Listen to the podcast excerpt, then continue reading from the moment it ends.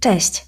Dziś chciałabym z Wami porozmawiać na temat ludzi, którymi się otaczamy. Mówi Daga Wharton, to jest podcast Tylko Dobre Myśli. Chodzi mi o to takie podejście w wielu książkach motywacyjnych i rozwojowych, tego rozwoju osobistego. Wiele ludzi mówi: Zobacz na tych najbliższych ludzi, którymi się otaczasz, tą piątkę, i oni muszą dla ciebie być inspiracją, motywacją. A jak nie, to odrzuć takich ludzi, którymi się otaczasz i znajdź takich, który, którzy rzeczywiście są tą inspiracją, motywacją do, do rozwoju. I dlaczego ja uważam, że to twierdzenie jest tragiczne? Bardzo go nie lubię i bardzo się z nim nie zgadzam. Po pierwsze, ciężko jest znaleźć ludzi, e, którzy nas motywują tylko.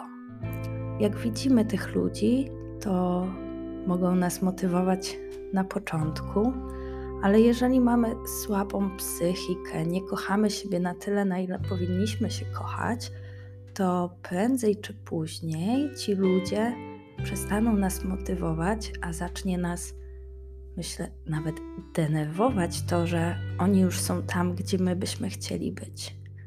Może wejść w nas zazdrość i inne negatywne uczucia zamiast pozytywnych. Już nie mówiąc o tym, że na pewno zranimy naszych przyjaciół, których od siebie odrzucimy. To też jest takie smutne. Może Twój przyjaciel Cię nie motywuje do działania, ale jest bardzo dobrym człowiekiem. A jeżeli to jest dobry człowiek, to czemu nie warto jest go mieć koło siebie? Ja właśnie chcę mieć dobrych ludzi wokół siebie i to jest dla mnie najważniejsze. Aby ci ludzie po prostu byli dobrzy i mieli um, no, dobre emocje w sobie i do mnie. To jest dla mnie najważniejsze. Nie muszą mnie motywować, nie muszą mieć milionów, nie muszą mieć wielkich firm.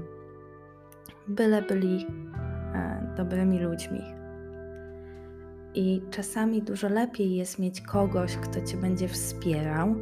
Może nie rozumie ta osoba twojego, e, Twoich ambicji, dążenia do rozwoju, ale taka osoba zawsze Cię wesprze czy nie lepiej jest mieć właśnie taką osobę blisko siebie? Dlatego właśnie myślę, że to twierdzenie, że uważaj na tych ludzi, którymi się otaczasz, w tych książkach motywacyjnych często jest źle interpretowane przez ludzi. Oczywiście powinniśmy.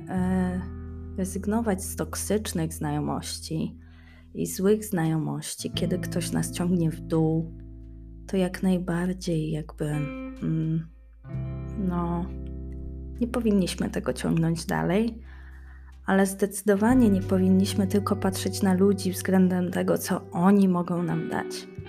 Czy dadzą nam wystarczająco dużo możliwości rozwoju, motywacji, bo czasami jest po prostu mieć dobrych przyjaciół wokół.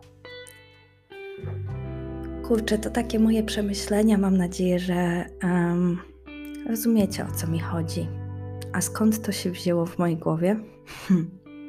Teraz będziecie w szoku, ale e, jedna z moich właśnie przyjaciółek tak troszkę źle zinterpretowała chyba te.